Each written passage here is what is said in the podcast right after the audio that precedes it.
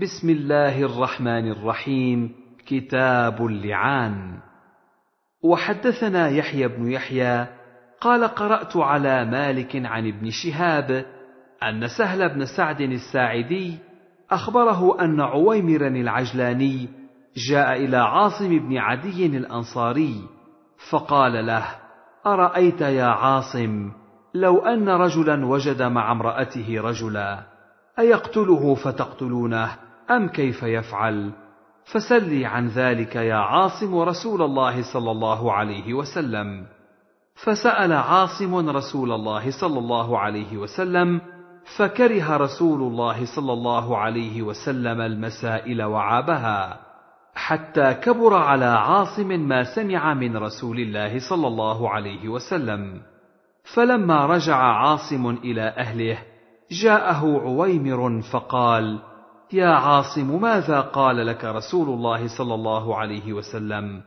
قال عاصم لعويمر لم تأتني بخير. قد كره رسول الله صلى الله عليه وسلم المسألة التي سألته عنها. قال عويمر والله لا أنتهي حتى أسأله عنها. فأقبل عويمر حتى أتى رسول الله صلى الله عليه وسلم وسط الناس فقال يا رسول الله أرأيت رجلا وجد مع امرأته رجلا أيقتله فتقتلونه أم كيف يفعل؟ فقال رسول الله صلى الله عليه وسلم قد نزل فيك وفي صاحبتك فاذهب فأت بها. قال سهل فتلاعنا وأنا مع الناس عند رسول الله صلى الله عليه وسلم. فلما فرغا قال عويمر كذبت عليها يا رسول الله إن أمسكتها فطلقها ثلاثا قبل أن يأمره رسول الله صلى الله عليه وسلم. قال ابن شهاب فكانت سنة المتلاعنين. وحدثني حرملة بن يحيى. أخبرنا ابن وهب. أخبرني يونس عن ابن شهاب. أخبرني سهل بن سعد الأنصاري. أن عويمرا الأنصاري من بني عجلان أتى عاصم بن عدي وساق الحديث بمثل حديث مالك وأدرج في الحديث قوله وكان فراقه إياها بعد سنة في المتلاعنين وزاد فيه قال سهل فكانت حاملا فكان ابنها يدعى إلى أمه ثم جرت السنة أنه يرثها وترث منه ما فرض الله لها. وحدثنا محمد بن رافع حدثنا عبد الرزاق أخبرنا ابن جريج أخبرني ابن شهاب عن المتلاعنين وعن السنة فيهما عن حديث سهل بن سعد أخي بني ساعدة أن رجلا من الأنصار جاء إلى النبي صلى الله عليه وسلم فقال يا رسول الله أرأيت رجلا وجد مع امرأته رجلا وذكر الحديث بقصته وزاد فيه فتلاعنا في المسجد وأنا شاهد. وقال في الحديث فطلقها ثلاثا قبل أن يأمره رسول الله صلى الله عليه وسلم ففارقها عند النبي صلى الله عليه وسلم فقال النبي صلى الله عليه وسلم ذاكم التفريق بين كل متلاعنين. حدثنا محمد بن عبد الله بن نمير حدثنا أبي حا وحدثنا أبو بكر بن أبي شيبة واللفظ له. حدثنا عبد الله بن نمير حدثنا عبد الملك بن أبي سليمان عن سعيد بن جبير قال سئلت عن المتلاعنين في إمرة مصعب. أيفرق بينهما؟ قال فما دريت ما أقول. فمضيت إلى منزل ابن عمر بمكة. فقلت للغلام استأذن لي. قال إنه قائل فسمع صوتي. قال ابن جبير قلت نعم. قال ادخل. فوالله ما جاء بك هذه الساعة إلا حاجة.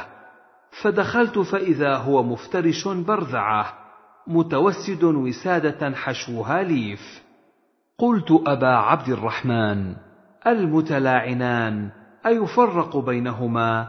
قال سبحان الله نعم. إن أول من سأل عن ذلك فلان بن فلان. قال يا رسول الله أرأيت أن لو وجد أحدنا امرأته على فاحشة كيف يصنع؟ إن تكلم تكلم بأمر عظيم. وإن سكت سكت على مثل ذلك. قال فسكت النبي صلى الله عليه وسلم فلم يجبه. فلما كان بعد ذلك أتاه فقال إن الذي سألتك عنه قد ابتليت به. فأنزل الله عز وجل هؤلاء الآيات في سورة النور.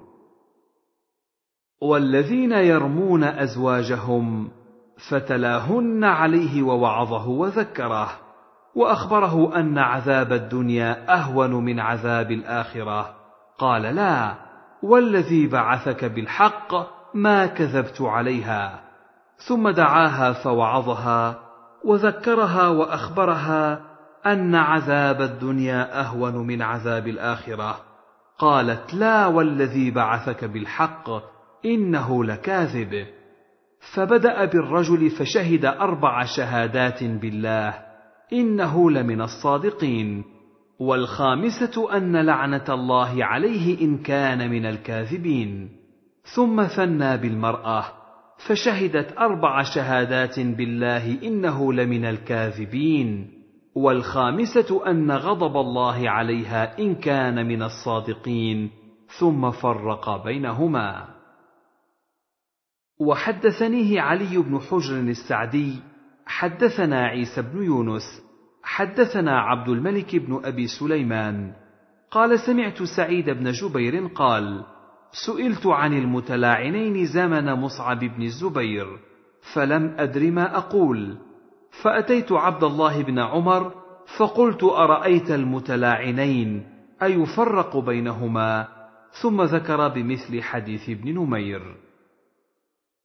وحدثنا يحيى بن يحيى وأبو بكر بن أبي شيبة وزهير بن حرب واللفظ ليحيى. قال يحيى أخبرنا.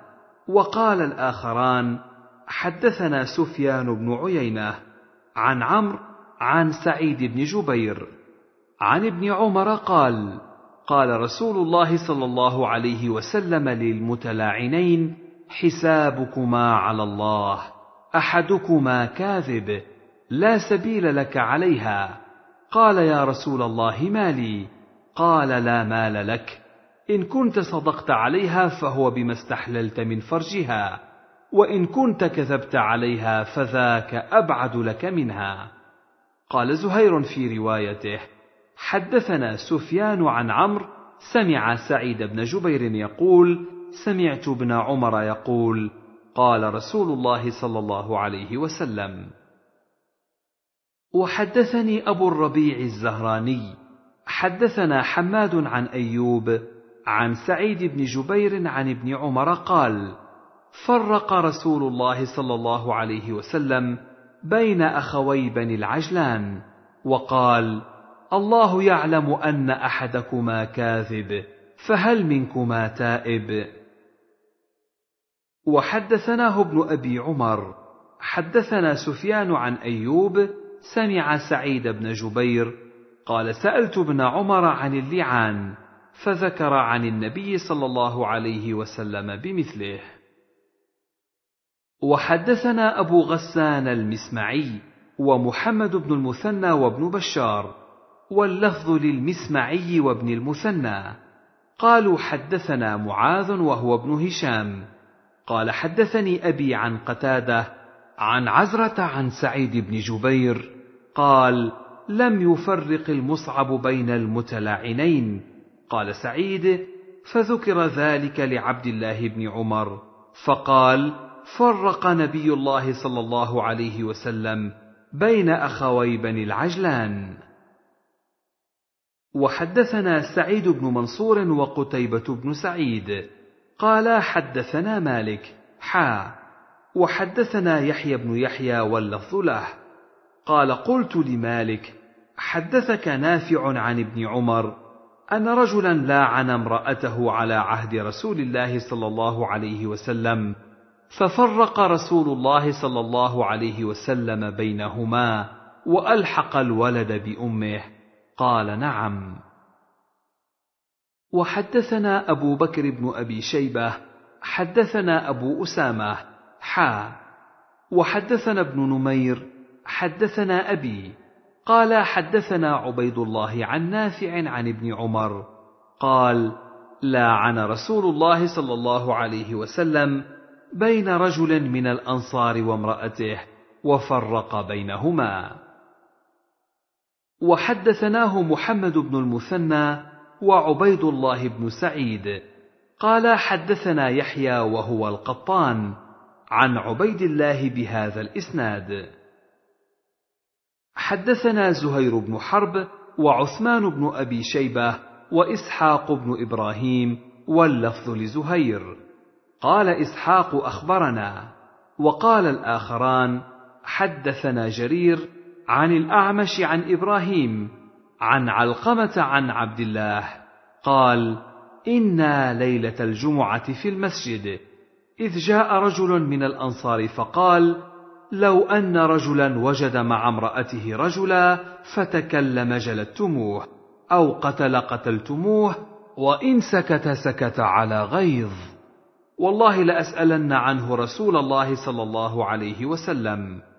فلما كان من الغد أتى رسول الله صلى الله عليه وسلم فسأله فقال لو أن رجلا وجد مع امرأته رجلا فتكلم جلدتموه أو قتل قتلتموه أو سكت سكت على غيظ فقال اللهم افتح وجعل يدعو فنزلت آية اللعان والذين يرمون أزواجهم ولم يكن لهم شهداء إلا أنفسهم هذه الآيات. فابتلي به ذلك الرجل من بين الناس. فجاء هو وامرأته إلى رسول الله صلى الله عليه وسلم فتلاعنا. فشهد الرجل أربع شهادات بالله إنه لمن الصادقين. ثم لعن الخامسة أن لعنة الله عليه إن كان من الكاذبين. فذهبت لتلعن فقال لها رسول الله صلى الله عليه وسلم مه. فأبت فلعنت فلما أدبر قال لعلها أن تجيء به أسود جعدا فجاءت به أسود جعدا. وحدثناه إسحاق بن إبراهيم أخبرنا عيسى بن يونس حا. وحدثنا أبو بكر بن أبي شيبة حدثنا عبدة بن سليمان جميعا عن الأعمش بهذا الإسناد نحوه. وحدثنا محمد بن المثنى حدثنا عبد الأعلى. حدثنا هشام عن محمد قال سألت أنس بن مالك وأنا أرى أن عنده منه علما. فقال إن هلال بن أمية قذف امرأته بشريك بن سحماء وكان أخا البراء بن مالك لأمه وكان أول رجل لاعن في الإسلام. قال فلاعنها فقال رسول الله صلى الله عليه وسلم أبصروها فإن جاءت به أبيض سبطا قضيء العينين فهو لهلال بن أمية. وإن جاءت به أكحل جعدا حمش الساقين فهو لشريك بن سحماء. قال فأنبئت أنها جاءت به أكحل جعدا حمش الساقين.